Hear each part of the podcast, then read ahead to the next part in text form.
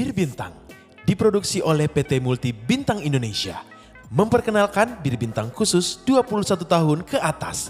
Bir bintang botol 620 ml, bir bintang pin 330 ml, bir bintang Redel pin 330 ml, bir bintang can 500 ml, dan bir bintang can 330 ml. Dapatkan di toko-toko terdekat dengan kadar alkohol di bawah 5%, Bir Bintang dapat dinikmati oleh kalangan muda untuk kumpul bersama dengan rasa yang memang sudah melekat di lidah.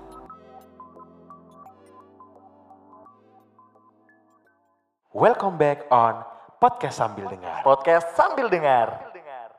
Selamat datang di Podcast Sambil Dengar bareng Ivan bareng Alwan tentunya sore hari ini Alwan Budi Kusuma. Bener banget. Gue eh, nggak bisa menyembunyikan grogi ya. Yoi. Walaupun bukan cewek. Iya, biasanya bro, kita itu eh, grogi ketika yang datang tuh cewek. Tapi mulai pertama hari ini yang cowok yang datang, kita grogi juga berdua ya. Iya. iya. Oke deh, sore hari ini bukan seperti biasanya eh, Ivan sama Alon berdua, tapi kita kedatangan tamu juga tentunya sore hari ini. Yep, bener Ada banget. salah satu yang sangat eh, menginspirasi. Ya. Kalau misalnya menurut Ivan bilang ya, ini salah satu anak muda kota Kendari yang sangat-sangat excellent, yang sangat-sangat apa ya, eh, pribadi yang sangat wah bisa dibilang disenengin sama semua orang, cita-cita semua orang. Temennya banyak banget. Waduh. Ya, taunya banyak Mungkin banget. Di 25 negara ada kali. Kayaknya ya. Iya Nanti kan? kita kabar-kabar tentunya ya. Selamat sore Bro Bayu. Halo, sore sore sore. Wow, dari suaranya udah voice over Iya. banget Alwan ya. Bener. Pantes lah ya. Gimana kabarnya Bro Bayu bisa perkenalan diri dulu? Alhamdulillah baik-baik. Terima kasih banyak udah diundang ke sini. Yoi. Um, Sama-sama. ini nama gua, aku, saya, kamu. Bebas, aja. Bebas. Yang penting jangan gaya bebas. Kalau gaya bebas mau berenang. Senyamannya. Senyamannya. Mau pakai bahasa Kendari juga nggak apa-apa. Oke, Karena kita kan oke. sama-sama anak Kendari Ji. Iya. Sebenarnya, sebenarnya. Kita harus benar-benar harus bisa nggak selagi kita bisa eh, ngangkat bahasa luar, kita harus bisa mempresentasikan, eh, mempresentasikan bahasa kita sendiri juga. Biar Betul banyak yang dengar gitu Iya. kan. Harus di-preserve dong. Yo, Karena di iya. sini gitu. Iya, Yoi. boleh Nah. eh, lupa ya. Gimana kabarnya sekali lagi Bro Bayu? Alhamdulillah baik. Hari ini akhir-akhir ini apa-apa aja yang dikerja? Eh, Lagi sibuk apa aja? Wah, karena corona memang jadinya gitulah. Kayaknya semua orang jadinya sangat menantang ya. Maksudnya Iya, yoi. semua orang harus kerja dari rumah. Uh, maksudnya banyak hal yang yang perlu disesuaikan gitu ya. Benar. Ini bukan sebuah kebiasaan yang biasanya kita lakukan. Iya. I mean working from home buat beberapa pekerjaan biasa aja gitu kan. gue juga sebenarnya biasa aja. Cuma kali ini jangka waktunya panjang banget. Sampai bener. nggak tahu kapan bisa Selesai. ya, selesai Betul, gitu. betul. betul banget. Kayaknya Bro Bayu banyak banget plan di 2020 ya. Sangat sangat Seharusnya ya. sangat padat dan akhirnya karena ada corona ya kita kuasa Tuhan juga gitu kan. Betul banget. Kita harus bisa maintain juga. Makanya kan. ada di Kendari aja sebuah kebetulan, makanya saya Oh, sebut iya, ini iya. sebagai sebuah blessing in disguise. Karena sebenarnya cuma apa namanya nenek saya sempat meninggal kemarin, bukan sempat Wah. meninggal, meninggal Iya, kemarin. meninggal. Harusnya pulang cuma dua hari dari Jakarta karena aslinya kerja di Jakarta, tapi akhirnya sampai sekarang nggak pulang-pulang. Terakhir Kendari kapan Bro? Terakhir Januari sebenarnya pas tahun baru, abis tahun baru. Lumayan lama juga ya. Tapi oh waktu di sini pertama kalinya Maret. Maret kemarin. Sampai sekarang Sampai belum. sekarang belum eh, tahu kapan baliknya ke Jakarta ya. Oke. Nah, ngomong-ngomong soal eh, seorang Bayu nih. Apa yang menjadi apa ya semangat yang bisa eh, kakak sharing sama teman-teman Iya, semua? karena ibaratnya kayak gini loh. Kita banyak banget kalau misalnya ada yang kenal Bayu pada pendengar podcast sambil dengar. Ya. eh, pasti mungkin bisa lihat activity dari Bayu. Banyak Ya, banget. Yang sangat aktif. Yang Sebenarnya yang sangat aktif. ya. Kalau bayi, ini bayi aktif bro. Iya. Bayi sehat. dari keluar brojol gerak terus. Iya. Ibaratnya yang bisa bikin semangatin itu apa sih sebenarnya? Hmm. Pertama aja kayaknya pertanyaan udah menarik banget ya, wah pendengar podcast sambil dengar. Yoi. Em, apa namanya? Em, ini sebuah pertanyaan yang yang sering banget ditanyakan pastinya kan. Siapa sih yang bikin kayak jadinya very passionate dan very em, excited terhadap Yep. apa pun? Yaitu sebenarnya sih sebuah mimpi. Gitu. Ah. Maksudnya gue sendiri punya punya mimpi nih bakal gabung ya gua saya kamu wah Mhm. bebas lah pokoknya ya. Pokoknya saya ya. sendiri punya punya mimpi yang yang um, memang dari kecil saya saya harapkan tentunya mimpi ini terbagi dua ya. Maksudnya Hmm. ada yang namanya personal goal tapi ada juga yang namanya personal goal yang akhirnya memang harus dikontribusikan kepada orang yang lebih banyak gitu. Oh, Karena biasa eh, cita-citanya sekedar cita-cita aja gitu Bener. kan ketika Dan dapat. Dan kebanyakan itu pribadi ya. Pribadi Nah. exactly. Jadinya sangat individualis, banyak cita-cita itu yang memang yang memang apa ya arahnya sangat untuk diri sendiri aja. Nah kalau Iya. saya sih pribadi punya cita-cita dua tadi makanya untuk pribadi dan punya cita-cita itu untuk orang banyak. Oke. Ya itu cita-citanya sebenarnya sih um, simple banget gitu. Saya pengen um, hal kecil seperti misalnya kualitas pendidikan yang ada di khususnya di Kendari, Sulawesi Tenggara itu bisa menjadi lebih baik. Makanya itu dimulai dengan saya sendiri menjadi lebih baik dulu gitu untuk kemudian membuat Yes. masyarakat yang ada di sekitar kita menjadi lebih baik gitu. Wah, gue gak kebayang calonnya nanti kayak apa modelnya bro. jauh, jauh banget pak. Jauh Ya, banget. gitu. Ini ini nih kalau misalnya peribahasa kan langit dan bumi ini langit dan langit bro. Iya, sama ya, sama ya. Oke, eh, berarti kalau mulai dengan diri sendiri gitu, maksudnya saya juga pribadi udah eh, banyak nanya-nanya, dengar-dengar, Kak Bayu eh, udah ngebuat perpustakaan. Betul. Itu di kampung halaman betul kah? Betul banget. Iya, fun fact-nya ya. Fun, Fun fact. fact ya. Iya. Itu, Itu apa- gimana? eh, itu emang diri sendiri tergerak apa gimana atau ngajakin anak-anak muda di apa Atau di ada- Wanci ya iya. kalau nggak Di salah, di betul, Wanci, di Wanci. untuk biar nggak cuman Kabayu aja nih yang ngerasain tapi mereka juga ikut gerak gitu. Iya, atau mungkin bareng-bareng kah plannya kah atau kayak gimana? Ya, nah makanya sebenarnya dengan cita-cita yang tadi saya bilang itu tadi em, em, apa namanya pembuatan si si apa em, gubuk baca ini kita sebutnya gubuk baca. Gubuk Oke, baca. gubuk Wakatobi. baca. Iya, itu panjang banget prosesnya. Artinya itu dari pengalaman pribadi sejak saya kecil sebenarnya bahwa Oke. saya setiap hari kalau diajak pulang kampung biasa toh kalau kayak kita mau lebaran biasa kan pulang Ya kampung. harus pulang kampung ya. Betul. Kebetulan saya lahirnya di Raha, tapi itu dari mamah, tapi dari bapak itu di Wanci, di Wakatobi. Oke. Anak pantai banget dong. Anak pantai. Anak pantai. Kalau misalnya Anak kalian para pantai. uh, followers dari Reza Bayu, kayaknya pasti udah tahu dia anak pantai karena postingannya hampir semua pantai, bro. Pantai. Nah, Pantai. itu Dan gue nggak cemburu sama luar negeri, cuman cemburu sama Sumbanya. Iya, gue juga sama bro. Gue juga sama. Gue nggak, gue nggak eh, terlalu. 25 negara itu kayak, oke itu bisa mungkin ya. Tapi kalau ke Sumba, ya gimana ya? Itu kayaknya. Keren banget kan? Iya bener, Iya, Jokes banget. Parah, Aduh. parah sih. Nah makanya Wakatobi sebenarnya tidak tidak tidak kalah sekeren itu gitu. Makanya itu yang mungkin kurang untuk kita promosikan Iya. dan makanya potensinya besar banget. Nah sebenarnya gubuk baca ini juga sebenarnya salah satu tujuannya untuk tadi meningkatkan potensi anak-anak yang ada di Wanci tadi. Untuk sebenarnya mereka bisa paham bahwa dunia itu luas. Iya. Ada kesempatan besar di luar sana yang mereka bisa ambil dan raih sebenarnya. Karena Benar. satu hal yang pengen sebenarnya gue cerita waktu gue setiap kali pulang kampung em, apa namanya yang yang gue sadarin setiap kalau ngobrol sama anak-anak ini sepupu-sepupu gue sendiri sebenarnya Masih keluarga juga masih ya. keluarga juga atau beberapa memang tetangga-tetangga gitu. Kalau ditanyain pengen jadi apa? Biasa kan pertanyaan Iya, basic benar, ya kalau orang tua ya ketemu Mhm. sama anak kecil gitu. Pengen jadi apa besarnya? Mereka tuh jawabnya sederhana banget. Pilihannya cuma dua. Kalau bukan berkebun, nelayan gitu. Wow. Itu dia. Sesimpel itu. Sesimpel itu. Sesimpel itu. Makanya yang saya sadari adalah em, saya tidak bilang kalau itu pertanya apa pekerjaan yang nggak bagus gitu kan. Oke. Enggak. Tapi jangan sampai sebenarnya mereka memilih pekerjaan itu karena tidak ada pilihan lain. Mereka tidak Bukan pernah berarti di-expose. mereka nggak mampu Nggak untuk mampu, meraih cita-cita mereka yang lain. Yang lain, exactly. Jadi itu bisa saya- membuat ekspektasi jadi minim juga gitu Bener kan. banget, karena akhirnya mereka tidak sadar bahwa mereka punya potensi tadi. Mereka tidak sadar bahwa mereka bisa melakukan hal yang lebih besar gitu. Hmm.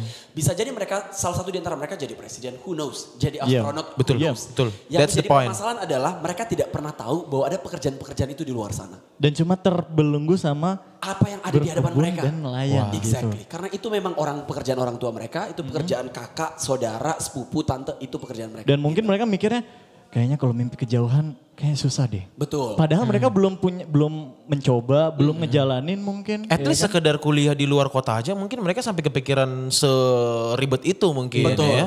betul. Jadi ada ketakutan dan ada ketidakpercayaan diri dari mereka sebenarnya. Yap. Nah itu sebenarnya gubuk baca ini diarahkan ke sana. Paling tidak nih anak-anak Oke. yang kecil kalau dikasih baca buku, khususnya kayak biografi, buku cerita, mereka kemudian bisa berimajinasi. Dan Iya. mereka tahu bahwa oh ada hal ini, oh ada hal itu, ini sesuatu yang mungkin dan sebagainya. Jadi karena selama ini yang tadi betul dibilang sama em, apa namanya Alwan bahwa ketakutan itu yang membelenggu mereka selama ini. Kayak mereka bahkan bermimpi aja tuh tak, Iya. eh, nggak bisa gitu, Iya. nggak mau gitu. Gak mau, takut gitu. Ya. Dan gue juga eh, pribadi sangat tidak menyukai kalau misalnya segala sesuatunya itu disalahkan kepada pemerintah. Setuju. Benar. Dan eh, fasilitas Mhm. dan apa pun itu segala macam yang sepertinya kehidupan kita itu bergantung kepada orang lain yang lebih besar powernya. Ya. Tapi setelah melihat Kabayu, setelah dengar dia ngomong, segala sesuatu itu tergantung kepada diri kita sem- Nah, karena dia sudah sendiri. gitu. di nah kenapa mungkin dia eh, si Bro Bayu ini bisa motivate karena mungkin dia udah ada bukti udah ada bukti gitu loh, udah ada bukti fisik. Ya gue gitu loh. Ya. Gue aja kecilnya kayak lu gitu kan Iya, mungkin iya. seperti itu kan. Setuju banget. Pada akhirnya sampai arahnya ke sana. Gue nggak pengen misalnya mereka terinspirasi bisa jadi dari orang-orang yang mungkin terlalu jauh gitu. CEO Bener. Facebook siapa? Bener. Kemudian Bener banget. Artis siapa gitu. Bener. Mungkin itu orang-orang yang sebenarnya menarik dan ber- menginspirasi, tapi Uh-uh. takutnya tidak relate terhadap mereka. Hmm. Mereka nggak lihat, eh lu nggak lahir di tempat gua men di Wanci gitu kan. Iya, Lu nggak bener. lahir di Wakatobi. Coba aja di twist gitu Exactly. ya kan. Nah. CEO Facebook lahirnya di Wanci. Bisa nggak? Nah Ya, itu dia ya. yang sebenarnya pengen gue ya. tunjukkan bahwa ya berarti dari belajar gue sendiri kemudian menempuh pendidikan yang baik, gue Hmm. kemudian bisa mencapai cita-cita gue, kemudian gue berharap gue kemudian paling enggak bisa menginspirasi dan memotivasi mereka. Benar. Siapa tahu mungkin anak-anak yang ada di perusahaan itu bisa jadi abang none juga mungkin nanti tahun depan Nah, gitu kan. ini ini ini gua mau pro- fact-nya. protes. Gua mau Oh, mau pro- protes atau mau apa bro? Mau protes. Oh gue ikut dulu bro berarti. Gue mau protes juga Gua bro. darah asli, Ya. Raha Wanci gitu ya. Sampai SMA di Kendari Nah gitu betul. ya. Yang at least berkembang biaknya di Kendari. Ah, sampai Berkembang remaja, biak, bro. Ba- sampai remaja di Kendari gitu ya. Tiba-tiba jadi abang none Jakarta Utara. Ya. Ini ceritanya gimana nih? 2018. 2018. Dua, yes. waduh masih panas pak. Masih panas lah. Coba nih kita harus Baru, protes. Kita baru harus selesai protes. masa jabatannya berarti Iya. gitu kan. Kita harus 2018 protes nih. 2019. Coba nih, Ya. kenapa bisa kepikiran atau mungkin kenapa nggak balik kampung aja untuk Hmm. nge-present Sulawesi Tenggara? Ya, sebenarnya sih satu karena memang posisi waktu itu ini lebih ke geographical. Iya, Oke. Gitu kan. oke. Memang posisinya memang di Jakarta. Ah, ah. Tapi memang secara jangka panjang yang gue lihat adalah ini bisa menjadi platform Abang None bisa menjadi platform buat gua untuk sebenarnya belajar bagaimana sih menjadi seorang duta, bagaimana kemudian bisa Yeah. berkontribusi gitu. Mungkin tidak tidak kompa- kompatibel gitu antara Jakarta dengan mungkin menjadi representatif dari Sulawesi Tenggara. gitu. Iya. Tapi malah sebaliknya dengan kemudian bisa belajar dari tempat yang besar harapannya Sangat kemudian besar ya. sangat besar gitu kemudian bisa pulang pada akhirnya kemudian bisa mengaplikasikan apa yang saya pelajari kemudian di di, Oh. di Abang None gitu Oke. dan dan bedanya memang dibanding mungkin duta wisata yang lainnya Mm-hmm. ini duta wisata ibu kota negara men gitu sehingga Iya. memang exposure-nya besar Yep. dan itu bisa menjadi ruang gue buat networking juga dan kemudian berkolaborasi dengan banyak orang Tapi pastinya pada saat eh, jadi abang none itu nggak ada ke distract sama orang. Wah itu bukan asli Jakarta Utara tuh. Nah itu dia yang menarik bahwa Bang None sangat terbuka untuk darah kelahiran tempat tinggal ras mana pun agama Oh, mana pun. gitu, baru Itu tahu. dia. Yang Karena penting kan tinggalnya di Jakarta. tinggalnya di Jakarta, KTP Jakarta. Oh, KTP KTP Jakarta. KTP gue juga Oh, di pindah Jakarta. terlebih dahulu karena ya urusan kendaraan dan sebagainya gitu kan. Benar. Oke, Administratif. benar. Nah karena Jakarta sendiri kan melting pot. Jadi maksudnya Jakarta untuk yang darah Betawi sendiri udah nggak sampai 30 persen. Mhm. Oke. Sehingga memang sebuah fakta bahwa yang merepresent Jakarta karena dia ibu kota negara bisa siapa aja sebenarnya. Iya, setuju. Bener Jadi kan? clear ya buat yang eh, sering Iya, bener. nanya-nanya ke Bayu. Kalau misalnya masih ada penasaran mungkin Iya. followersnya kita jawab sore hari ini udah dijawab sama udah, eh, Bayu. udah jelas, kan. nggak usah kayak gimana-gimana ya, nggak usah dibikin ribet. Aduh ini nggak mau nge-vision, kamu nggak anak lokal banget, kamu nggak anak daerah banget, nggak kayak gitu kecilnya cuy. Bener, kan? bener, bener. Santai aja ya. Eh terus ngomong-ngomong kemarin kuliah eh, sempat di HI juga ya Bayu ya? Yes, HI di Universitas Gajah Mada, kebetulan angkatan 2011. 2011. Langsung masuk ya, pertama kali tes langsung. Eh, ya kebetulan SNMPTN undangan waktu itu, iya. Oke. Di angkatan di SMA Kenapa satu. hubungan internasional? Nah, Wah, pertanyaan, pertama. Wah, pertanyaan pertama. Iya, kenapa Pertanyaan hubungan pertama. internasional? Studi milioner apa gimana sih? Oh enggak, santai aja. Jawab ngeyel juga nggak apa-apa kok. Makanya ada phone a friend atau Enggak, kan biasa gini, kalau misalnya mungkin waktu jadi Abang None atau misalnya di interview lain mungkin jawabnya terlalu serius. Mungkin ada hal yang tidak pernah dikeluarin untuk jawaban dari kenapa harus HI. Kenapa karena tuh? aduh gue ngasal nembak aja, eh alhamdulillah keterima gitu. Iya, atau ya emang gue gaya gaya-gayaan aja biar keren lah. Gua Siapa tahu mungkin ada jawaban dari- yang tidak iya, pernah bener. dijawab di tempat lain. Nah, mungkin Oke. bisa dijawab di sini. mungkin ya. sih sebenarnya sih em, jelas bahwa mungkin nggak tidak mencoba untuk serius tapi memang karena udah punya cita-cita dari lahir gitu. Ah, Maksudnya dari, oke. dari kecil udah punya cita-cita untuk berkeliling dunia. Mhm. Jadi sebenarnya HI tadinya menjadi sebuah jurusan yang bagi saya sih platform untuk bisa paham tentang dunia itu sendiri. Mhm. Benar. Tapi memang kalau di luar dari itu ya mungkin karena banyak orang melihat bahwa jurusan HI itu kece, keren gitu. Iya, ada lah ibaratnya- ya. Ada lah ya. Tagline itu udah menjadi Iya, iya, trending bener-bener. bos satu Bener, bulan bener. ini. Tapi semoga nggak ke bawah sampai nanti ya. Ya, amin. Itu cuma di sini aja Nah, ya. gue masih, maksudnya kayak ada beberapa orang yang masih bingung dengan kata hubungan internasional itu. Maksudnya karena spesifiknya seperti apa sebenarnya? Apakah eh, cuma HI untuk itu? urusan diplomasi atau Iya. mungkin perwakilan negara Indonesia di negara lain atau gimana? Karena terlalu mungkin sebagian orang memikirnya kalau HI itu terlalu berat begitu loh. Mm, Itu dia sih. Nah itu itu myth-myth yang mungkin kurang benar, kurang tepat. Karena sebenarnya HI belajar memang sangat broad, uh, sangat luas gitu. Kita dilihatkan terhadap isu-isu internasional Yap. um, bagi itu di masa lalu ataupun masa sekarang gitu. Dengan kemudian berkaca pada, maksudnya ada teori yang digunakan sebagai kacamatanya gitu. Yang ses- sesederhananya sih, biar tidak serius, HI itu adalah tentang ya belajar bagaimana orang-orang di belahan dunia lain itu bertingkah laku sebenarnya. Karena memang kan kita masuknya ke sosial politik gitu. Iya benar. Sosial Apakah hanya sosial politik aja di dalam HI itu? Tidak juga sebenarnya. Nah, itu.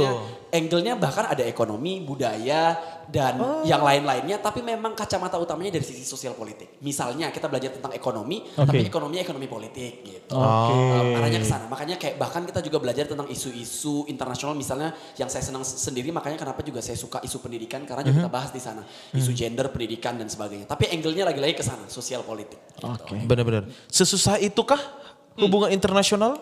Eh, Apa dinikmatin aja misalnya kayak Iya. susah-susahnya, seneng-senengnya ya udahlah gue nikmatin aja itu lah. mungkin yang Let pengen, it go ya, lagi yang aja. pengen gue share ya masa jurusan itu itu tidak ada susahnya kalau itu adalah sesuatu yang yang bergantung pada dua hal satu kalau itu passion lo sendiri yang kedua itu berdasarkan kemampuan lo sendiri Oke, pertanyaan gue. Ya. Susahnya hubungan internasional apa? Tetap ya iya benar. Iya. maksud- susahnya mungkin hmm, di awal adalah em, mungkin referensinya kali ya Oke. jadi banyak bacaan yang semuanya bahasa Inggris dan level bahasa Inggrisnya dewa banget jadi Hmm, bahasa bukan yang Inggris di SMA ya? bukan lagi SMA Oh. bahkan wah ini bahasa-bahasa Inggris yang yang mungkin jarang banget kita dengar jadi makanya apa namanya per- apa namanya em, apa sih bilangnya namanya Pen- translate Ah. translation Oke. itu apa ya Pronunciation?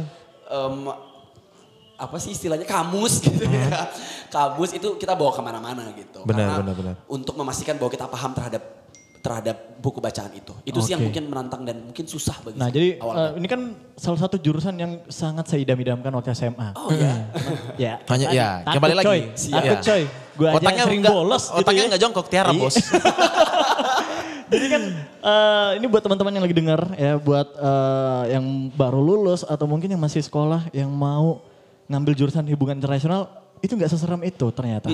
Dan kalau kamu memang mau benar-benar ngejalanin, ya sudah, ayo berjuang gitu lah. Betul. Ya, biar sampai kamu bisa mungkin melampaui seorang Bayu gitu ya. Iya. pastinya harus dong Karena ibaratnya Harus kayak benar. let it go aja gitu kan. Iya, benar. Sesuatu hal yang belum dicoba, expect pasti gede. setuju Kalau belum dicoba, kalau misalnya udah dicoba, nah pasti agak, oh ternyata gini doang. Ternyata Kan gua biasanya bisa, gitu. ya. Ternyata gue bisa kayak gitu. Karena Benar. ada hal yang sudah dijalankan gitu loh. Nah, setuju setuju pengalaman yang gak pernah terlupakan selama menjadi mahasiswa hubungan internasional UGM. hmm wow menarik banget pertanyaannya yang paling eh, bisa nggak bisa dilupain, mungkin ada yang eh, buruknya mungkin atau yang ada bikin wah paling malu banget atau kayak gimana yang paling atau salah lucu-lucu. ngomong. atau salah di, ngomong atau kayak gimana. apa, Di panggung ini mungkin yang nonton Untuk podium gitu kan. podiumnya wah ini kayaknya bukan orang Indo semua Iya, gitu. gimana, Ini gimana, Perwakilan negara-negara gitu. mungkin satu yang yang arahnya ke positif dulu kali ya Oke. yang yang tidak pernah terlupakan itu pertama kali masuk sih sebenarnya karena kita langsung dapat semacam public lecture Oke. itu dari guru besar HI Amin Rais Pak Amin Rais Wow. nah itu maksudnya sosok reformasi Iya, ya iya. maksudnya yang yang sangat berperan penting terhadap reformasi di Yep. Indonesia Uh, despite of berbagai macam perbedaan politik mungkin bagi orang-orang pendengar Hmm. dari podcast sambil mendengar juga gitu ya tapi pastinya beliau orang yang sangat dilihat banget Iya, as in sangat. Apa namanya jasa-jasanya, kontribusinya dan bahkan pendapat-pendapat dia itu banyak banget berperan terhadap perkembangan politik di Indonesia. Dan makanya pada saat menjadi Tomito dari anak Kendari tiba-tiba da- datang di Jogja, terus tiba-tiba masuk UGM, hari pertama masuk UGM di ospek tiba-tiba muncul Amin Rais kayak Iya. ciut gitu.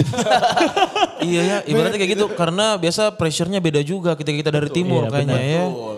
Itu makanya sebenarnya salah satu yang yang hal lain yang mungkin pengen gue share yang tidak terlupakan karena gue sering banget ngajarin mereka bahasa Kendari. Iya ya. Oke. Mereka dengan welcome Itu juga. ngebajak Saya namanya penasaran ya. kayaknya ya. Setelah setelah dari HI terus lanjutnya di Langsung em, kerja. langsung kerja? Yes, Oh, langsung kirain langsung lanjut lagi kuliahnya. Tapi Belum, ada rencana. ini, Ya. ada rencana gitu untuk ngelanjutin. Ada rencana, sempet sudah lulus di tiga tempat waktu itu, Mhm. tapi karena kerjaan selalu menarik, dapat tawaran yang selalu seru nih kayaknya, kayaknya bisa Mhm. berkontribusi, jadinya batal terus, batal terus. Nah kalau gue pengen nanya ini kayaknya nggak bisa dijawab. Berapa banyak workshop yang udah dijalanin? Ya. Apa workshop? Workshop ataupun Sebagai Sebagai, jadi pembicara, pembicara. gitu. Waduh. banyak banget kayaknya. Yang paling menarik deh.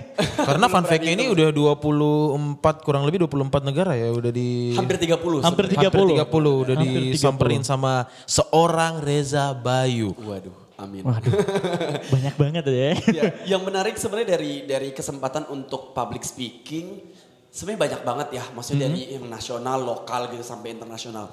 Tapi mungkin yang pengen gue sharing satu sih waktu itu memang sangat deg-degan karena menjadi representatif di Indonesia buat salah satu um, um, conference Oke. di Washington DC Amerika Serikat. Wow. Shout out banget buat Bro Itu Bayu. kalau lu nggak pernah percaya ada anak kendari orang Indonesia yang kerja di ada salah satunya. Udah. Kalau ya. misalnya ada yang anak-anak wanci yang masih insecure dengan Nggak adanya lo. usah. Udah. Nih udah lihat nih. Oke. Oke, kita lanjut lagi. Nah, setelah itu mungkin apa pengalaman yang dari berbagai macam negara, mungkin pengalaman-pengalaman yang gak dilupain waktu nyamper ke sana? Apa apa aja? Ehm, ya, wah banyak sekali ya. Lagi-lagi sebagai anak HI yang yang maksudnya kalau di di di negara sendiri belajar tentang bagaimana orang lain bertingkah laku. Jadi pada saat ke, ke negaranya itu jadinya excited banget loh. Karena Oke, oke. Karena sesuatu yang kau pelajari tiba-tiba menjadi nyata gitu. Ah, Salah satunya misalnya waktu itu em, dapat kesempatan juga buat ke Pakistan. Oke. Nah itu yang seru banget. Maksudnya banyak kan kalau di berita dibilang lah kalau bom, terorisme dan sebagainya. Yang kita lihat di media kan Konflik seperti itu gitu gitu ya. kan. Betul. Padahal sebenarnya juga tidak juga gitu bahwa negara itu menjadi negara yang secara pariwisata bagus banget, Mhm. orang-orangnya sangat welcome, typical Asian lagi-lagi Oke. dan dan apa ya budayanya tuh kuat banget pokoknya. Dan itu yang yang yang Hmm. saya pelajari. Maksudnya mereka mereka sayangnya kemudian memiliki apa perspektif yang berbeda orang-orang melihat mereka gitu ya. Negaranya Benar. menjadi negara yang kayaknya sangat menakutkan padahal enggak gitu. Nah itu sih yang mungkin salah satu yang menarik gitu. Dan orang-orang kalau pengen liburan nggak perlu lah maksudnya juga ke Korea dan lain. Pakistan menjadi salah satu pilihan sebenarnya bagi gue. Wah promosiin Pakistan nih. Iya, benar. Jadi promosi Pakistan cuy ya. Ya karena biasanya kan ada beberapa orang yang benar-benar lihat dari media aja dia udah menjudge bahwa oh kayaknya ada beberapa wilayah yang menurut gue kayaknya ini bahaya Ya. kayak gini-gini. Tampilan di medianya seperti ini dan langsung mengkesimpulan. Betul, mengeneralisir bahwa apa pun yang terjadi di negara itu membahayakan dan tidak tidak aman gitu. Yep. Padahal enggak juga. Lagi-lagi orang harus datang ke sana langsung dan melihat apa yang terjadi sebenarnya. Setuju. Gue mau tanya, nggak capek nggak bro? Apa? Capek ya? Menjadi seorang Reza Bayu capek nggak? Menjadi seorang Kira-kira. Reza Bayu apa nggak capek sih? Em, lagi-lagi capek sih seharusnya enggak karena ini sesuatu yang memang em, sesuatu yang dijalankan ini berkaitan dengan sebuah impian ini berkaitan dengan cita-cita yang memang gua sendiri Iya. pengen jalanin gitu. Sehingga nggak ada capeknya sih sebenarnya. Malah bersyukur ya maksudnya bisa berada Menyenangkan, dapat duit, betul. terus passion. Passion Hobinya udah di situ cuy. Hobinya udah di Kerjaan situ. paling enak kalau hobinya dibayar. Nah, yes. exactly bener Iya, banget. kan? Iya. Bener. Iya, Coy. lagi. Tos juga buat bertiga kita bertiga kayaknya ya. Iya. nah, jadi kalau udah eh, kerjaan, pendidikan, gue pengen nanya arti keluarga buat Reza Bayu. Karena nggak mungkin lu sendiri selama ini. Iya. Nggak mungkin banget. Kalau misalnya hampir 30 negara terus kurang lebih udah hampir uh, udah lama juga settle di luar di ibu kota atau di mana pun itu ada rasa rindu nggak sih sebenarnya? Hmm. Ibaratnya kayak wah teman-teman gue kalau pulang kantor atau pulang dari Ketemu ketemu keluarga, keluarga, main sama adik, sama kakak, sama sepupuan. How about you? Eh, wah, another good question. Sebenarnya sih pastinya keluarga menjadi salah satu motivasi utama. Eh, kenapa kemudian Reza Bayu ini me- me- me- ingin mencapai sebuah goal tadi gitu? Karena sebenarnya keluarga gue yang menginspirasi gue, termasuk misalnya orang tua gue sendiri. Eh, nyokap gue adalah seorang guru. Jadi makanya kenapa gue sendiri passionate terhadap isu pendidikan itu karena nyokap gue juga gitu. Bokap gue tadi berasal dari kota kecil dari bukan kota kecil ya, kampung gitu ya di, Iya, iya. di Wanci gitu dan kemudian bisa mendobrak keluar dari sana dan dan mencapai cita-citanya dia. Jadi makanya orang tua lagi-lagi sangat berharga sih dalam pencapaian hingga, hingga saat ini. Even though tentunya sih tidak selalu berada di samping gua untuk Iya, selalu benar. mendukung gua, tapi pastinya mereka selalu gue percaya mereka selalu berdoa dan dan selalu berharap bahwa anaknya Sharing energi juga gitu ya. Yes, yes pastinya sih. Karena maksudnya via telepon pun sekarang, uh, you know, um, bisa bisa bisa bisa keluh kesahnya bisa tersampaikan, Tersampaikan, betul, gitu. komunikasinya bisa tetap lancar, tapi tetap makanya pulang kendari tetap aja gitu pengen gitu kan. Selain Iya. ketemu orang tua, makan juga pengen gitu. Wah, gue nggak kebayang gimana capeknya yang, yang seperti kita ngomongin tadi, gimana rasa capeknya mungkin karena mungkin ya udah hiburan juga, hiburan Ya, diri ya, juga kayak ya, apa ya. Ya, ya. Orang tua satu- selalu mendukung. Jadi makanya itu juga menjadi salah satu apa ya motivasi besar juga kan. Iya, benar. Eh, eh, banyak hal yang sebenarnya mungkin tidak saling berpendapat, em, tapi kemudian kita selalu berkomunikasi untuk bisa eh, mereka tahu bahwa anaknya nih pengennya ini, anaknya suka ini, passionnya ini, dan makanya di luar sana bagi ini penting sih mungkin bagi mereka yang kemudian mungkin punya tidak bersependapat gitu dengan orang tua, misalnya tentang jurusan kuliah, biasanya kan Oke, sering banget gitu kan, cita-cita pengennya jadi lawyer, tiba-tiba didorong jadi dokter, gitu-gitu Oke, kan. oke, nah itu benar, sebenarnya benar, lagi-lagi tergantung dari diri kita, bagaimana kita bisa meyakinkan ke orang tua kita bahwa kita benar-benar tadi punya passion dan skill di sana. Benar. Sehingga there's no kan one banyak else- banget tuh sekarang eh, anak-anak yang kayak mau ngejar apa yang mereka suka, Ya, ya. susah banget karena selalu dipatahkan dengan asumsi orang tua bahwa eh, a normal life Ya. seperti gini. Ya, ya, ya, selalu ada standar. Nah, selalu Kamu ada jadi standar. abdi negara aja deh. Nah, itu yang Gitu, itu, ya itu yang kan? gue interest kemarin kayak kurang eh, kan kemarin gue sempat nonton vlognya uh, Ray Farid juga nonton si Bayu tuh. Siap. Ngomong soal pendidikan juga. Nah, gimana menurut Bro Bayu soal pendidikan di Indonesia? Ya.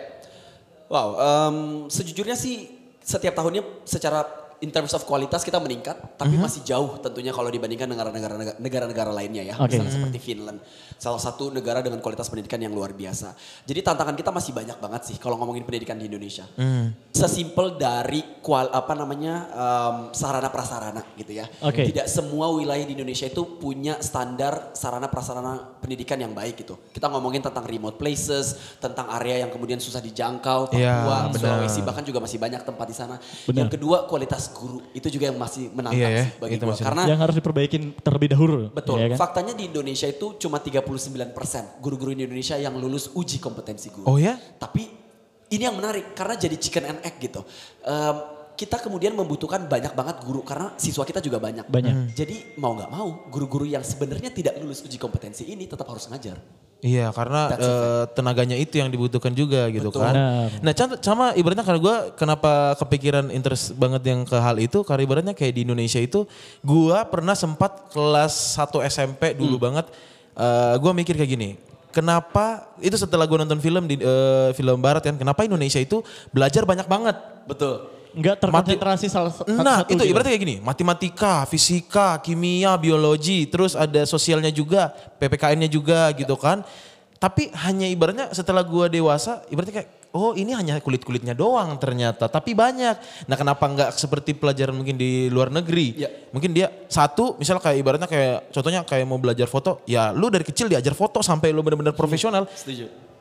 Gimana tanggapan Bro Bayu? Nah itu sih sebenarnya tantangan ketiga dari pendidikan di Indonesia sendiri itu tentang kurikulum. Dan salah satu yang disebutin sama Bro Ivan ini betul sekali bahwa em, cara kita mendidik itu masih bersta, masih ber, apa, berstandar pada bahwa semua orang itu eh, butuh belajar semua hal. Oke. Dan, harus kemudian- menguasai dan semuanya. menguasai semuanya. Nah. Kalau kita tidak menguasai semuanya, jadinya biasa kita dijudge sebagai seorang yang bodoh, tidak Nah, mampu oke. dan sebagainya. Padahal kalau ngomongin tentang kurikulum dan bagaimana pendidikan itu seharusnya it's very simple. Education is about teaching and learning. Yes. Jelas Oke. toh bahwa itu tentang bagaimana kita mengajar dan bagaimana kita belajar gitu toh. Tapi di Indonesia jadinya em, itu tadi eh, ada ketimpangan terhadap mata pelajaran misalnya. Yap. Misalnya tadi karena kita didorong untuk belajar matematika, jadi semua anak harus bisa matematika. Harus bisa. Padahal bisa jadi memang matematika sesuatu yang menantang bagi dia gitu. Oke. Gue kasih contoh misalnya em, bagi yang IPA biasanya lagi-lagi ya dibilang orangnya pasti lebih pintar dibanding IPS. IPS Yes. gitu. Ngomongin tentang oh yang jago kimia bahkan bisa jadi lebih pintar daripada yang jago seni budaya gitu. Oke. Dan bukan hanya itu, kita ngomongin misalnya jumlah durasi gitu. Bisa jadi misalnya nih kita nih ya bertiga gitu ya. Oke. Kita ngomongin matematika aljabar di sekolah gitu. Oke, Nah, siap. semua orang silabusnya jelas bahwa di sekolah kita belajar matematika aljabar 2 jam. Dua jam. Nah, padahal bisa jadi kebutuhan dan cara kita menangkap pelajaran itu berbeda satu sama lain. Nah. Bro Ivan bisa jadi menangkap aljabar dengan waktu satu jam cukup gitu kan. Oke. Bro Alwan bisa jadi dua jam cukup. Bagi gue bisa jadi enam jam baru gue bisa paham. Nah. Sementara kita semua dihantam rata gitu. Kita Yap. belajar matematika aljabar tadi cuma dua jam. Dan akhirnya ketika gue nggak bisa dalam waktu dua jam, gue dianggap bodoh. Nah ibaratnya kayak gini. Iya kan? Gue kan sekolah SMK tuh Ya. eh, di SM, eh, di SMEA. SMEA, Karena hmm. gue ngambil jurusan eh, akuntansi. Nah Akuntansi, ibaratnya yes. ketika gue disandingin sama teman-teman gue yang IPA, oh anak SMK nih, ah biasa aja pasti gitu Yes. kan ya. Gue bilang ya udah kalau misalnya belajar IPA eh gua ngalah. Tapi kalau misalnya lo mau ngomongin akuntansi, buku besar apa pun itu sampai Dijabanin, buku, coy. Gue jabanin. Kayak Betul. gitu. Itu dia tadi. Karena kita masih melihat orang itu terhadap sebuah tren, kita masih Mhm. membandingkan mereka terhadap apa yang menurut mereka bagus dan apa yang menurut mereka standarnya tinggi gitu. Mhm. Padahal kan enggak, mata pelajaran dan kemampuan itu kan berdasarkan diukur pribadi masing-masing. Ya nggak bisa Iya kan? disama-samain dong Sama ya. si Ringo, Ringo Agus. Ringo Agus kan waktu anaknya baru lahir itu diwawancari sama salah satu infotainment juga katanya kayak gini. Nanti anak mau jadi apa? Mau ikutin bapaknya kah mau jadi artis? Katanya bilang, enggak. Gue nggak akan batasin anak gue mau jadi apa pun. Pertama kali dia udah bisa berkomunikasi dengan baik, gue akan tanya apa. At least pun dia bilang mau jadi fotografer uh, Geo Wild, gue akan belikan uh, equipment uh, untuk perlengkapan itu dan gue akan profesionalkan dia. Gue nggak akan maksa dia harus jadi kayak gue, gue nggak akan maksa dia jadi kayak orang lain yang lebih pintar. Ya, itu dia makanya. Nah, gue ngambil sudut pandang lain. Oh, bener juga kayak gini. Ya, makanya maksudnya ini ini ses- tadi kalau kalau bagi kita yang mungkin yang mendengarkan de- di podcast sambil mendengar ini itu sa- si- itu sih sebenarnya salah satunya cara untuk kalian bisa meyakinkan orang tua kalian. Yakinkan bahwa dunia ini sekarang udah berubah gitu. bahwa ada hal-hal yang memang perlu disesuaikan karena kemudian setiap pribadi itu memang tadi punya passion yang berbeda, punya kemampuan yang berbeda, tapi memang satu hal yang jangan sampai dilupa, tunjukkan bahwa kalian betul-betul passionate terhadap itu dan kalian betul-betul punya kemampuan di situ. Kadang kita nggak disetujuin misalnya dengan dengan jurusan yang kita mau, Iya, kita iya, nggak benar. nggak buktiin gitu ke orang tua kita, makanya mereka nggak yakin sebenarnya. Apalagi di zaman yang 4.0 ini udah banyak banget yang bisa uh, bisa dibilang ini sebuah pekerjaan loh, Ya, ibarat kayak betul, gitu. betul. Sekarang kayak gini contohnya, uh, banyak kalau misalnya kayak lu main band, main musik gitu kan produktif, ya sekarang ah, ngapain main band mending jadi PNS. Ini bisa bapak ngasilin aja duit di gitu ya. instansi gitu, kan, provinsi kah atau uh, kota kah mungkin. Iya. Lebih lebih ini terus ada ketika lu udah nggak ada juga, lu masih dibayain sama negara. Ya. Tapi yang gue mikir sebenarnya ya hidup ini bukan hanya tentang kemauan kamu gitu loh. Betul. Ada kemauan diri sendiri juga gitu loh. Setuju. Nah itu tadi sih sebenarnya lagi-lagi em, kita sendiri harus mencari informasi sebanyak-banyaknya tentang apa sih dunia itu sudah berubah seperti apa sekarang. Gitu. Benar. Betul tadi bahwa jenis pekerjaan pun sudah jauh banget, Jur- jenis jurusan pun udah jauh banget sekarang. Sudah sangat berkembang. Dan ya. bukan hanya kita yang tahu informasi itu, kita kasih tahu lah ke orang tua kita. Itu Nah, sebenarnya. benar. Dikasih informasi itu ke orang Tapi Bayu nggak pernah digituin sama orang tua mungkin di rumah atau keluarga. Awalnya Ya, gitu. emang dilarang untuk keluar Nah gitu. mungkin kayak gini, em, eh, Bayu mau kerja, eh, mau kuliah di sini mah di Jogja mah mau GMH-in. Tapi pulang nanti jadi PNS ya, atau pulang nanti jadi guru di sini aja ya, kayak gimana gimana. Pernah nggak sampai ke ini udah ada, ada udah dapat omongan kayak gitu. di bank ini sama Iya. om ini gitu. Nanti ya bapak kan? urusin sama om ini, ah, ini kerja masih di sini aja. keluarga Apakah loh. pernah seorang Bayu Iya kan? digituin saat di, di rumah? Sejujurnya pernah. Wah gini. Nah, Iya, iya. karena gue Iya, punya pertanyaan ujungnya nih setelah dapat kayak gini nih. Nah, terus terus terus. Iya jadi ya jelas lah ya maksudnya em, apa namanya orang tua gue juga pastinya sama mungkin dengan orang tua orang tua, orang tua yang lain. Mereka merasa bahwa em, artis sukses itu ada sebuah standar kan. Dan mereka Oke. melihat orang-orang sebelumnya bahwa yang sukses itu oh mereka yang di PNS gitu kan. Mereka yang kemudian tadi bisa menjadi mungkin anggota DPR dan Ya. sebagainya Oke. gitu. Nah itu yang sebenarnya menjadi tantangan yang tadi gue sempet share bahwa cara gue jelas bahwa gue kasih tahu baik-baik ke orang tua gue bahwa dunia ini benar-benar berubah sekarang dan tadi hey look at me bahwa gue punya passion dan gue punya kemampuan yang berbeda Nah. dan itu tadi gue tunjukin sebenarnya Nah, buktinya pun udah tiga kali, empat, hampir lima kali lipat gaji PNS kan bos. Perusahaan Amin. luar bos. Iya. Walaupun gak disebut lu pasti tahu gitu ya. Iya, gak usah disebut takut lu ngiang-ngiang semua ya. Lu juga pakai di smartphone gitu Iya, ya. nggak ya. usah lah pokoknya ya, rahasia aja ya. Nanti lihat aja instastory si Bayu, siapa nanti dia Iya, kecolongan. betul, ya. Nah untuk jadi eh, nge- ngejalanin hidup seorang Reza Bayu gitu kan pasti banyak tantangan, banyak Mhm. ini. Pernah nggak sih kamu merasa puas Hmm. dengan apa yang udah dicapai? Atau mungkin sebaliknya kamu tuh selalu menjadi gelas kosong yang selalu pengen diisi, diisi, diisi. dan Pertanyaan, maksudnya ibaratnya pertanyaan kecilnya, mau jadi mau kejar apa sih sebenarnya Bro apa Reza Bayu? sebenarnya? Apa sih yang dikejar Kalau misalnya sebenarnya? nih, misalnya nih ya udah rezeki nih di umur muda nanti eh, nanti Bayu jadi ini deh apa eh, Menteri Pendidikan. Ah. amin Amin, amin, amin, ya. Kalau enggak jadi kadis pendidikan. Nah, gitu atau ya. enggak mungkin jadi CEO gitu Oke, kan. kalau itu udah kecapean, sudah. Kamu pengen apa lagi gitu? Atau mungkin harapannya itu tumbuh setiap hari. Iya. ya ya nah sebenarnya pertanyaannya wah berat juga Iya. dan menarik gitu ya karena ujungnya ini akan gue kaitin sama cita-cita gue tadi maksudnya gue cita-cita gue tidak tidak sebatas gue misalnya pengen jadi seseorang tertentu tapi Wah artis sukses mungkin it, it sounds very classic tapi memang cita-cita gue adalah gue pengen bermanfaat buat orang banyak Yes. Oke. dan ada perubahan yang terjadi gitu yang lebih positif di masyarakat dan artinya gue nggak bakal puas karena faktanya memang itu belum belum belum tercapai tentunya Iya. kan dan dan betul setiap hari tentunya gue punya cita-cita yang baru Mm-hmm. yang sebenarnya mendorong cita-cita utama gue tadi makanya itu sih yang penting bahwa ada sebuah end goal dan end goal ini tidak terbatas sebuah materi tidak terbatas. Mm-hmm. sebuah jabatan dan tidak terbatas pada sebuah pencapaian tertentu yang yang very spesifik dan duniawi gitu lah ya. Oh iya benar benar ya itu Gitu. kalau mungkin eh, pencapaian yang sekarang dirasain mungkin semua orang mungkin mikirnya kayak kalau gue bisa ya mungkin dia Samdi juga bisa gitu. Jadi Hmm. kayak selalu terpacu untuk menghadirkan inovasi ataupun sesuatu yang baru yang baru dan baru gitu ya. Ya. Betul Setiap banget. hari. Jadi nggak ada habis-habisnya sebenarnya sih. Bahkan maksudnya sampai gue meninggal pun suatu hari nanti, ya gue berharap sih maksudnya banyak orang di luar sana yang kemudian punya semangat yang sama sehingga somehow melanjutkan tongkat perjuangan gue gitu lah misalnya. Ah, khusus misalnya untuk estafet ya. Di Indonesia. Betul, estafet gitu. Nggak Jangan sampai situ. putus gitu ya. Yes, yes, yes, Benar. Ya karena ibaratnya ketika orang itu sudah dapat satu tangga, dia pasti penasaran dengan tangga selanjutnya gitu kan. Exactly. Kayak- Betul, betul. Tapi nggak menutup kemungkinan eh, ada rasa mungkin ini ini mungkin yang gue lihat juga di teman-teman gue yang umur sama Bayu, mereka merasa berkecukupan Iya. dan merasa nyaman Mhm. dan kalau gue tanya apa lagi yang udah gue pengen ngejalanin hidup gue sama istri sama anak, Iya. udah. Tapi nggak salah. Kayak gitu, tapi nggak salah, kayak Tapi gitu. salah. Gue nggak salah, gue cuman kayak eh, ngasih tahu ternyata ada fakta yang kayak gini loh. Orang ada yang selalu setiap hari numbuhin cita-cita baru dan ada yang ternyata mungkin dia Merasa udah cukup dan- merasa cukup Ya, ya, ya, ya. Gitu. Menurut Setuju. kamu dengan stigma seperti itu, maksudnya kayak kalau udah punya kerjaan tetap Hmm. dan uh, punya keluarga dan berkecukupan, segala sesuatunya udah selesai. Ya, lagi-lagi tergantung eh, tadi sih pada end goalnya mereka seperti apa kan Hmm. Eh, dan dan eh, tingkat kepuasan mereka tuh seperti apa gitu. Karena yang gue takutin sebenarnya mereka kemudian merasa cukup dan dan lagi-lagi tidak salah sekalipun seperti Iya. itu. Tapi jangan sampai mereka tidak tahu bahwa sebenarnya mereka punya peran yang besar.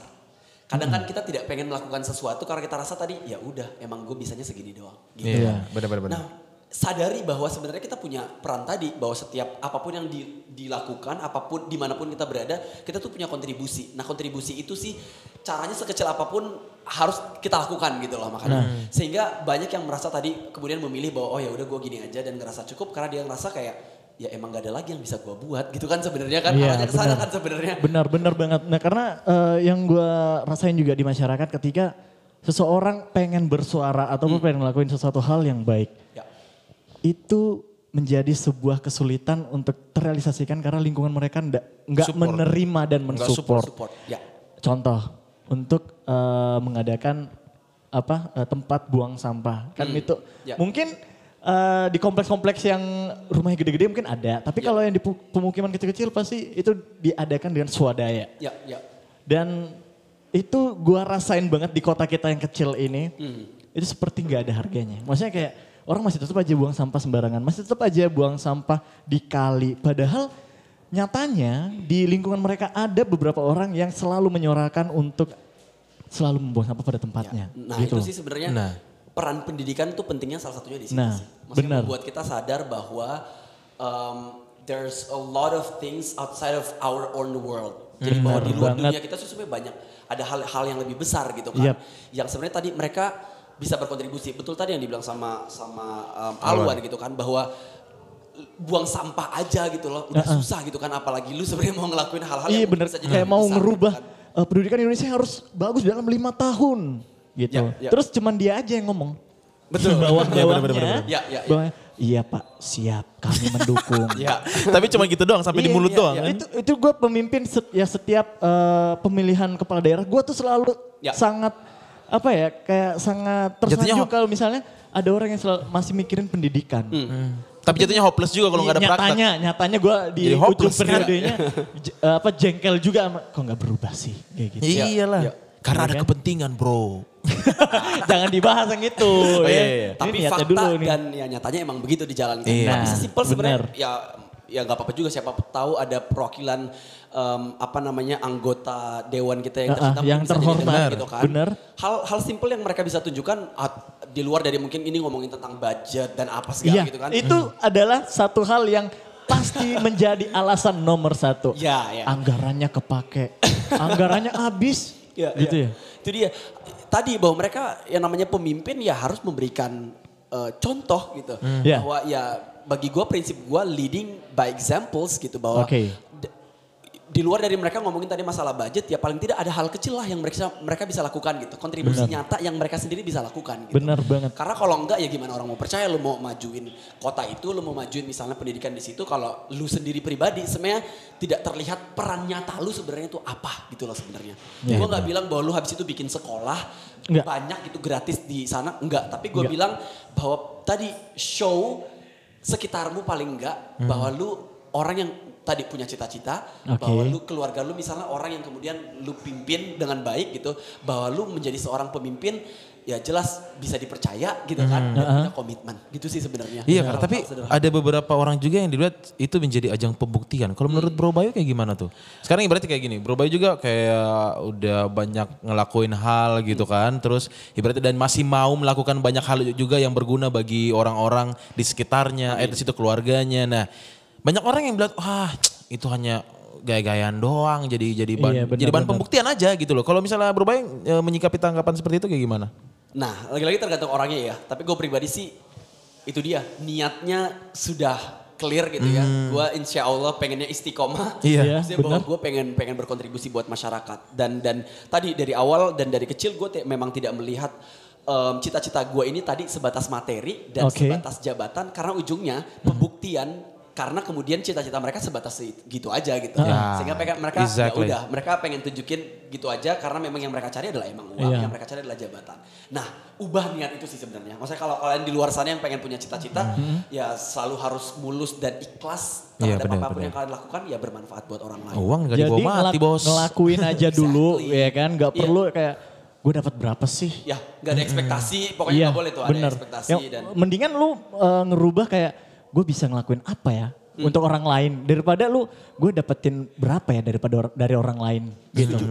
Iya kan? ya Karena ibaratnya banyak banget sekarang orang yang mau ngelakuin kalau eh, ya sorry itu saya ada media lah atau ada Nah, apalah gua kayak mau gitu-gitu kan. uh, biar di exposure gitu. Yoi. Biar sponsor datang. Nah, branding naik. Iya, nama gue nama, naik. nama gue Gitu. naik gitu kan. Iya, Nah, benar. Sekarang banyak banget orang yang berpikir gitu. Jadi kita nggak bisa memfilter. Kadang-kadang kita terkes- eh, terkesima dengan yang namanya image gitu kan. Ya, benar. akhirnya kita oh ternyata dia niatnya busuk di bos. Enggak gitu juga Pak. Kalau ya. ngomongin ngomongin maksudnya politik, ngomongin komunikasi politik ya itu nggak salah juga. Maksudnya itu salah satu komponen bagaimana kalian kemudian bisa dikenal sama orang Benar. untuk kemudian orang bisa dukung apa yang lu yang perjuang perjuangkan Ah, gitu kan. Balik lagi bertanggung jawab gitu Betul, ya. betul. Tapi ya ujungnya tadi akan akan terlihat jelas perbedaannya ketika dia melakukan hal yang nyata dan tidak gitu sih Ya, benar. kontribusi. Apakah dia cuma ngomong dan ngecap-ngecap doang atau Uh-uh. beraksi di bawah gitu. Nah buat yang sering ngecap-ngecap ya, jangan cuma ngecap-ngecap. Adalah ya adalah enak-enak-enak, ternyata nggak enak. ya. Bener, kalau enak ya bilang Pusing bos. enak Karena gitu. sekarang itu semua itu apa ya? Semuanya itu kepentingan. Weh. Kebet- Waduh.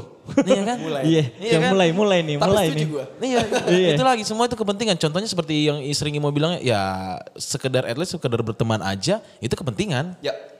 Ya gue mau ke gue berteman sama contohnya gue berteman sama Alwan ya kepentingan mungkin karena ya karena dia Kerjaan baik, gitu karena dia ya. baik pun itu sebuah sebuah kepentingan gitu loh. Oke. Yang yang jangan sampai dilakukan adalah kepentingannya jangan sampai terlalu sempit gitu. Nah, Oke. itu. Nah ini, ini berat banget nih kita kulik dan dikit dah. Gue pengen nanya, cara maintain pertemanan dari seorang Riza Bayu. Nongkrong gak sih, Bro? Ah, main gak sih? Main nggak sih? Gak dihadapin nama laptop terus iya. gimana? Deadline mulu gitu. Ah, ah, bener. Gue sih pastinya sangat anaknya nongkrong banget dan Sangat. Oh iya? Yoi cuy. Wah, gue gue nongkrong. gak sih yang seperti gue bilang tadi gue gak bisa kayak kayak gini. Pemikiran terlalu berat gitu kan. Terus- Harus think fast. Di apa disisipin nongkrong Di sisi gitu nongkrong. ya. Kalau katanya nongkrongnya banyak berarti memang benar-benar Banyak gitu ya. banyak gitu loh. Karena gue akuin diri gue ya emang anaknya extrovert. Teman-teman gue biasanya panggil social butterfly. Anaknya kayak loncat sana, Oh. loncat sini gitu. Itu Oke, oke. Jadi nggak seserius yang dilihat ya. Nah, Tidak itu fun fact Iya. yang, yang Iya, selanjutnya lagi jangan pernah menganggap bahwa si Bayu ini oh kayaknya dia nih orangnya sangat-sangat knowledge gitu Kalau gua bisa nggak bahas-bahas receh. internasional kayaknya nggak diterima. deh. iya kalau misalnya ngomong sama Bayu nggak bisa bahas yang biasa-biasa aja kayaknya. Ah, ah. Enggak, Tapi enggak, faktanya nggak kayak kayak gitu. Faktanya nggak kayak gitu. Gua Faktanya gua anak-anak main banget karena ya tadi sih maksudnya dengan cara main gua gua dapat inspirasi banyak hal ya. Maksudnya nggak hanya Oke. tentang ngomongin lagi cita-cita tapi mungkin pelajaran buat pribadi Mhm. terus kemudian ya lagi-lagi sebagai seorang extrovert gua ngecharge diri mendapatkan energi itu dari orang lain gitu Iya, kan gitu ya. sebenarnya. Eh, jadi ya berteman dengan banyak orang tuh adalah cara gua untuk keep going sebenarnya. Oke. Sehingga mendapatkan inspirasi tadi yang gue bilang dan dan apa ya motivasi semangat inspirasi ya dari dari orang lain juga sih sebenarnya. Makanya gue tetap nongkrong dan main lah. Dan masih bisa bagi waktu juga ya. itu yang wajib dan harus bisa tetap gue lakuin. Disiplin ini ya, juga harus disiplin bagi waktu Jadi ya. vitamin juga ya sebenarnya harus ya. banget. Pokoknya kayak misalnya kayak gue kalau dinas ke kota-kota misalnya di, di Indonesia atau bahkan di, di negara lain yang selalu gue cari pertama tuh tentang bukan kayak apa yang harus gue lakuin Iya. misalnya wisata atau apa yang harus gue siapin dari segi ker- pekerjaan gue Iya. tapi siapa yang bisa gue ketemuin di sana teman lama mana yang bisa gue reunian di sana itu yang gue lakuin jadi ya lagi-lagi kayak gue selalu berusaha untuk build that friendship sekalipun mungkin udah jauh sudah nggak lama Udah lama ketemu. banget nggak ketemu gitu. Iya, bener banget karena ya dengan dengan mereka ketemu dengan mereka ya gue dapat inspirasi baru lagi pastinya. Wah. Sungguh-sungguh sangat capek jadi seorang Bayu kalau gue menurut Gue gue gue ya. tuh apa mumet, ya ini orang beneran beneran orang gak sih? Maksudnya Iya, kayak, berarti kayak dia tuh- robot gitu loh. Iya, maksudnya dia tuh selalu gerak, selalu gerak, selalu ngakuin sesuatu hal yang baru. Dan itu mungkin eh, di umur yang sekarang mungkin orang kebanyakan nggak pengen ada di posisi Bayu karena ribet banget. Hmm. Kerjanya banyak, Ya. eh, mungkin urusannya juga sampai ke luar negeri gitu. Tapi atau mungkin itu pikiran gue aja, karena gue belum di posisi dia. Ya mungkin, nah, Iya seperti itu kan? seperti Ya, persepsi lagi mungkin, gitu iya. kan. Da- kembali jadi lagi. jangan pernah takut untuk kayak eh, lu sibuk, lu berkarya gitu. Asal di hal yang positif ya. Ya betul banget dan lagi-lagi em, apa ya maksudnya jadikan orang lain kalau pengen misalnya men- menjadikan orang lain sebagai role model sebagai orang yang mungkin kita look up to itu tidak terbatas sama misalnya oh dia anaknya keren banget karena mungkin dia jalan-jalan ke luar negeri misalnya Oke. batasannya jangan sampai sesempit itu Nah. karena karena bisa jadi kalian punya bidang sendiri yang memang kalian tekunin gitu Oke. artinya kayak kalian-kalian semua misalnya di sini ngom- ngomongin podcast gitu kan it's, it's not about kalau gue mungkin mainnya mungkin eh, conference mungkin Ya. berbeda tapi podcast itu sesuatu yang orang lain juga kemudian butuh gitu kan Benar. untuk mendapatkan ilham baru gitu loh. Waduh, semoga ya, semoga, Semoga, semoga, amin ya. Nah, kalau ngomongin keberhasilan kayaknya udah banyak banget. Gue pengen nanya kegagalan yang pernah lu alamin. Wah. Nah. Kegagalan atau mungkin Nah.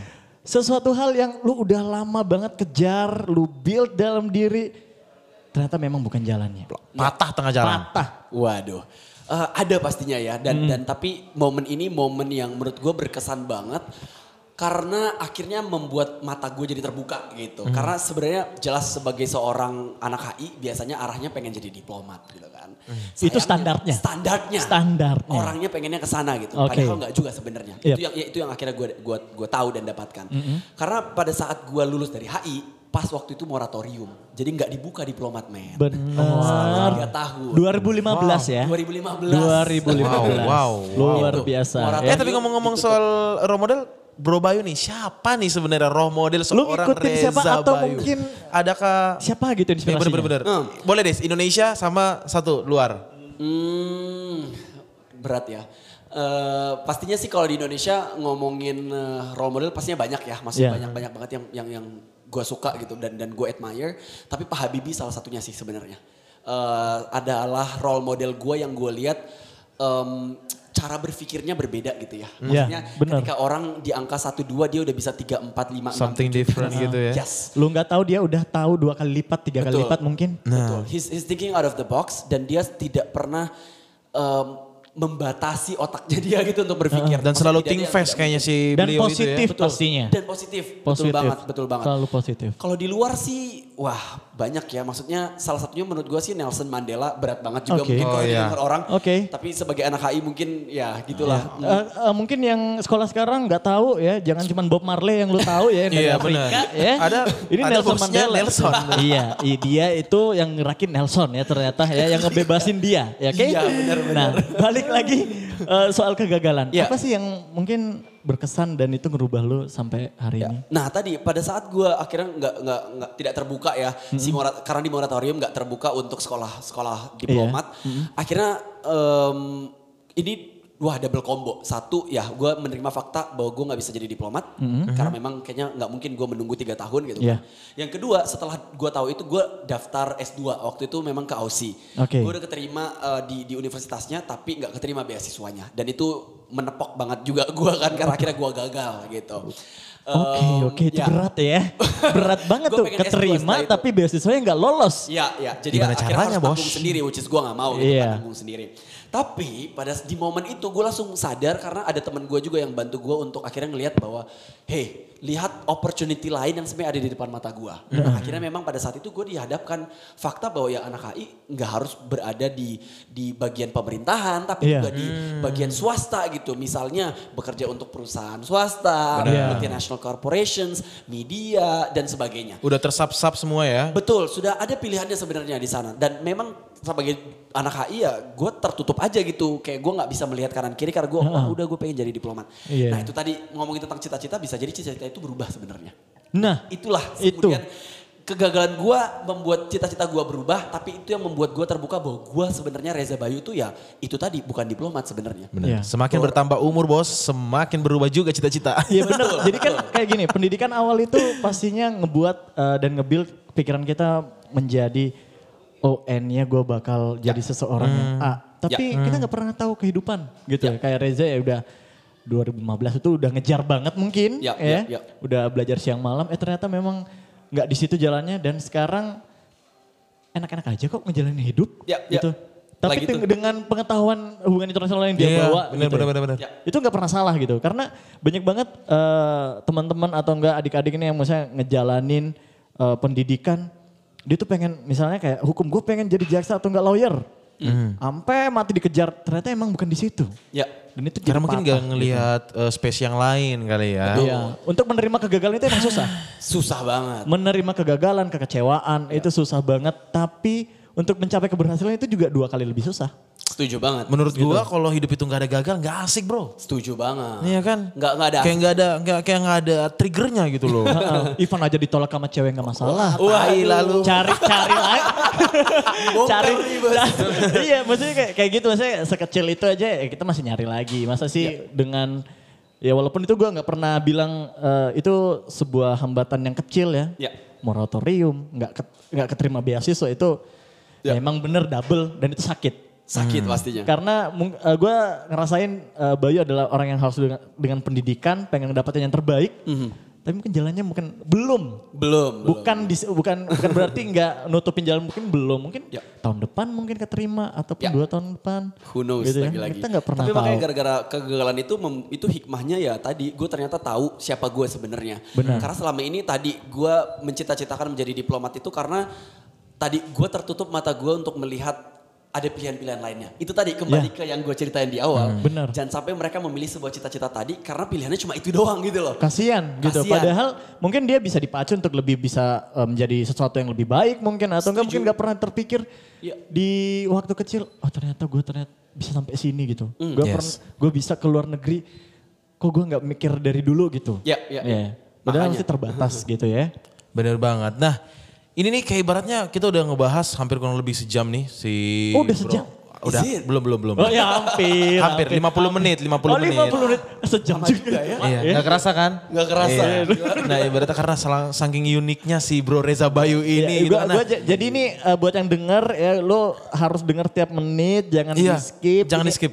Ini ilmu semua. Kita biasanya kayak diceng-cengin Karena kalau daging semua dicotok di tukang coto bro.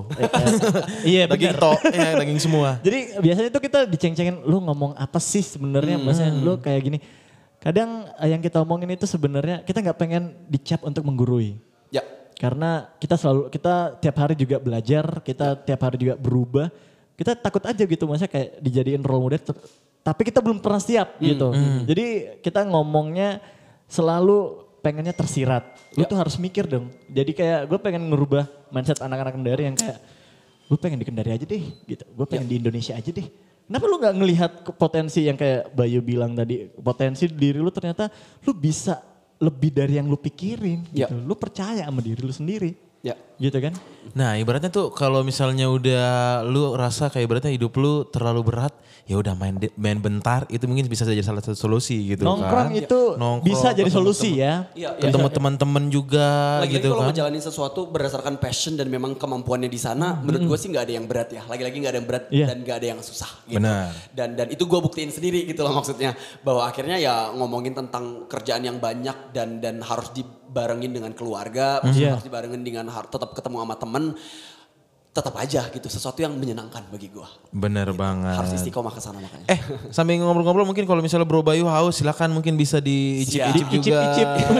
gitu kan. Karena sore hari ini mungkin kita lagi ngobrol santai-santai juga gitu kan yang Ah. harusnya seger-seger wah. Iya dong. Apalagi nih udah ada Bir Bintang yang nemani kita juga Bintang podcast karena bersama coy. Bintang karena bersama Iya, coy. iya. Kalau misalnya ini- lu suka yang botolan mungkin bisa ada redler juga yang pakai rasa jeruk juga. Oke. Boleh banget tuan. Kalau misalnya Nah. mau kalengan juga biar lebih fancy boleh banget Ini juga yang bro. gue sering share. Kalau kalian eh, misalnya mengkonsumsi alkohol atau apa pun itu, Ya. selalu tahu batasan. Bener.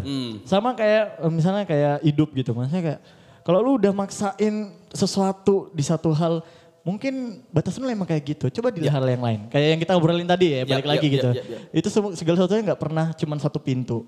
Ya, Benar ya, ya. banget. Segala sesuatunya ada kok. Oke bro, tos dulu dong bro. Sikat. Nah, udah nih, kita udah ngebahas tadi udah banyak banget perjalanan si Reza Bayu. Tapi ngomong-ngomong yang satu yang belum ditahu nih. Waduh, ini lu, lu lu pasti tau lah ya. Soalnya satu yang orang penasaran Iya, kan. bener. Hey Reza Bayu, lu udah ke Indonesia, udah keliling Indonesia, keliling neg- luar negeri. 30 negara, 30 emang nggak ada negara. yang nyangkut gitu. Emangnya nggak ada yang bisa ikat si Reza Bayu ini gimana Iya sih? bener. Sekarang lagi lagi taken kah atau lagi gimana? Lagi single. Lagi single. Wah, sangat beruntung bos. Parah. Iya. Ini gue Tapi lagi for your information, kita banyak pendengar cewek, bro. Oh, Gak apa-apa. Siapa tahu nanti ada Hi yang everyone. siapa pun kamu. langsung Iya kan? aja DM Reza Bayu ya. At Reza At underscore, underscore Bayu. Bayu. Nah. Siap, ayo kita kenal-kenalan dulu aja lah ya. Iya. Benar. Jangan buru-buru serius nggak enak. Iya. Iya karena apa-apa yang cepet itu biasa kelarnya cepet juga bro. Waduh, itu Kenalannya sih. cepat. kenalannya gitu ya. cepet Eh gitu putusnya kan. juga cepat. Nah karena terlalu menggebu-gebu. Hal-hal yang terlalu Ini pada menggebu-gebu. curhat apa gimana sih? Enggak Jing. Enggak, kita cuman eh, ngan- bridging aja. Bridging. Kali aja keceplosan gitu. Iya. Punya mantan yang nyesel. Gitu. ya kan? Kita kan Wah, perlu. gua dulu kalau misal masih sama Bayu kayaknya gua udah Iya. keliling luar negeri nih Kayak gitu kan. sering dia bilang, who knows gitu ya. Iya, Eh, benar Siapa banget. yang tahu hidup oh seseorang esok hari gitu. Mungkin ada Bisa yang jadi nyesel. ada mantan iya kan? gue yang dengerin. Iya. itu kan udah bocor satu bos. Iya benar ya. Alhamdulillah ya lu putus ya. Siapa suruh, Bos? siapa Nyakitin suruh? gua dulu, Bos. Makanya ya kan. Oke, mungkin eh, Terakhir, mungkin terakhir ya. eh, yang bisa Reza Bayu sharing kepada teman-teman pendengar podcast sambil dengar yang bisa memotivasi eh, motivasi motivasi juga dari seorang Reza Bayu gimana bro? Hmm.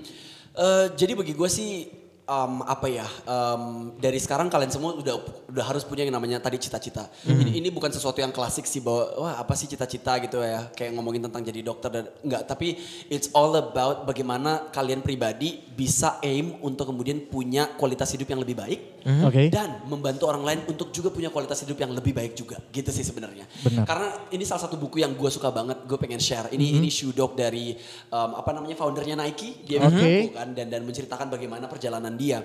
Dan salah satu salah satu satu sentence satu kalimat yang dia bilang um, cita-cita dia dia bilang I wanna leave a mark in this world dia bilang dia pengen punya sebuah bekas dan tanda Benar. karena bagi dia dia bilang kalau dia mati nanti ada orang lain di luar sana yang bisa melihat dan menikmati tanda itu. Benar. Nah gue ngerasa sih itu yang pengen banget gue apply di kehidupan gue juga dan Oke. kita semua sebenarnya ini yang Benar, pengen gue share. Sama Walaupun kayak sampai bikin- kita sama kayak podcast gitu. ini juga ketika kita berdua udah ibaratnya nggak ada Ya. podcast ini udah bisa dengar sama anak cucu kita gitu. Dan Setuju semoga ini yang kita sharing itu bisa eh, memberikan manfaat. Ya. Nggak Ya, cuman bener. kalian spend waktu satu jam untuk dengar kita dan nggak ngambil sesuatu kan rugi banget. Ya, gitu sangat, ya. sangat. Dan ini caranya Bro Ivan dan Bro Alwan untuk kemudian ber apa namanya menginspirasi dan bermanfaat buat orang lain. Nah, pertanyaan kita tentang gimana pendengar sekalian kemudian punya juga cara yang sama untuk kemudian berkontribusi di sekitarnya gitu. Dari hal-hal kecil aja sebenarnya. Itu sih yang pengen Dan dimulai pengen dari diri sendiri dulu. Setuju banget. setuju, Jadi setuju. contoh,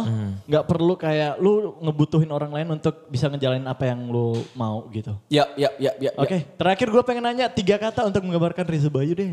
Waduh. Ayo, ini susah, susah ayo, nih. ayo, ayo, susah ayo. nih, susah Sekarang kita nih. ngomongin orang enak, ngomongin Iya. diri sendiri gak enak bos. Iya, mumpung kita nggak ditanya gitu Iya. ya, jadi kita tanya aja. Gimana nih? Um, gua mungkin tiga kata ya. Tiga kata. Passionate, energetic, and impactful. Yes, udah Itu kelihatan banget ketika merah, lu ya. ketemu Reza Bayu, udah seperti itu bos. Iya. Ini nggak ada yang kayak gimmick-gimmick aja, ya kan? Ini semuanya dia lakuin. Iya, benar. Yang hidupnya mungkin gimmick aja atau mungkin cuma mimpi, wake up and do something gitu. Iya. Ya. Eh, An- Ana Wanci nih bro, kau lihat bro, ini bisa jadi Jangan salah satu cerminanmu. Iya bener, jadi kayak eh, kita nggak perlu kayak takut kita tuh dari timur, kita tuh dari pulau Iya. untuk bisa berkarya dan mem- apa mempertunjukkan itu ke panggung dunia itu kita pernah. Tuhan itu menciptakan gitu. tuh manusia udah sama semua satu dunia bos. Ya. Nggak ada yang Iya. kurang. Nggak boleh yang namanya rasis ataupun Iya. juga lu beda-bedain kalau mau temenan sama yang beda-bedanya udah lu jauh-jauh lah ya. Benar. Dan Bro Bayu gitu juga ya. udah buktiin ya, udah hampir semua negara bahwa mereka itu nggak beda-bedain gitu loh. Setuju banget. Nah, itu- diterima gitu ya. Ya, dan itu menjadi manfaat. Maksudnya gue berkeliling dunia, ya faktanya bahwa orang di seluruh bumi- dunia ini memang berbeda. Dan itu yang memang Yes. perlu kita Ah, hargain. dan nggak bisa disamain. Dan gak bisa disamain. Dan nggak Nah, bisa itu disamain. Kalau tadi tiga kata untuk mengharapkan Reza Bayu, sekarang tiga tipikal cewek yang akan dicari seorang Reza Bayu. Ini ini tuh basic banget di bawah basic Iya ada kan? basic banget. ya. Iyalah, Iya. bro. Semua orang itu butuh yang simple-simple, bro. Iya, iya, Karena benar, terkadang ada orang yang penasaran tapi nggak tahu cara mengungkapin rasa penasaran seperti apa. Saking ribetnya ya. Ayo. Berat banget ya. bro. Iya. Iya kan? Dia aja yang simple menurut gua dia rasa berat. Iya, iya, Ya benar, itu benar. bro. Iya, benar, benar, Kadang benar. dunia itu ada di atas sekarang di bawah bro. setuju, setuju, setuju, setuju. Jadi gimana? Em, nih? ya nggak muluk-muluk sih ya. Maksudnya paling nggak eh, Keluar negeri 30 negara. berat. Jangan dong, berat, itu Bos. minimal putri Indonesia ya. Iya lah. Itu minimal tuh. paling nggak sih open minded. Nah. Oke. Kedua pastinya eh, percaya sama Tuhan. Iya, iya. Oke, Dan yang ketiga kemudian mau menjaga anak-anak kita. Ah, siap. ada yang sering ngomong kayak gitu pak. Pas action eh, kita ada Neni ya. Iya, iya, iya, iya. Eh, aku nggak mau ini deh. Iya. Apa, Aku nggak mau kelihatan gendutan nanti pas lahiran gitu. Yo, ribet, Jadi- Bos. Jadi ribet. ya, jadi Oke deh ribet. kalau begitu terima kasih Bro Reza Bayu, terima Sama-sama. kasih sekali udah hadir di podcast sambil dengar. Nanti kalau misalnya udah pergi lagi ke ibu kota atau ke luar negeri, ini bisa jadi kenang-kenangan kita. Siap pastinya Ya, dong. thank Terima kasih banget. banyak juga udah di invite ke sini ya. Yoi, terima, Terima kasih, kasih, terima buat eh, para pendengar podcast sambil dengar. Nanti kita ketemu lagi di episode selanjutnya, tentunya sama gue kita yang masih banyak lagi tentunya. Yep. Jangan Ini lupa kayaknya jadi selalu- salah satu favorit gue deh. Iya, ini Of juga salah satu. deh. Iya. Oke, kalau gitu ya jangan lupa untuk selalu dengarkan podcast kita di Spotify dan juga Apple Podcast. Jangan lupa juga- follow Instagramnya juga di podcast sambil dengar buat Nah. update apa pun kegiatan kita ya kan. Kita juga pasti nantinya bakal ada quiz juga deh. Bener bang, kita kan bikin Iya kan? giveaway juga kayaknya Wan ya, yang Iya, seru ya, benar. biar naikin engagement Iya, followers. Udah, udah kaya. Iya bos, siapa tahu mungkin ada yang mau. Perusahaannya, mau ada. perusahaannya, Oh, iya, kita oke. belum. Oke kalau begitu terima kasih, selamat malam teman-teman semua. Bir Bintang diproduksi oleh PT Multi Bintang Indonesia. Memperkenalkan bir bintang khusus 21 tahun ke atas. Bir bintang botol 620 mili. Bir bintang pin 330 mili. Bir bintang rattler pin 330 mili. Bir bintang can 500 mili dan bir bintang can 330 mili. Dapatkan di toko-toko terdekat dengan kadar alkohol di bawah 5%. Bir bintang dapat dinikmati oleh kalangan muda untuk kumpul bersama dengan rasa yang memang sudah melekat di lidah.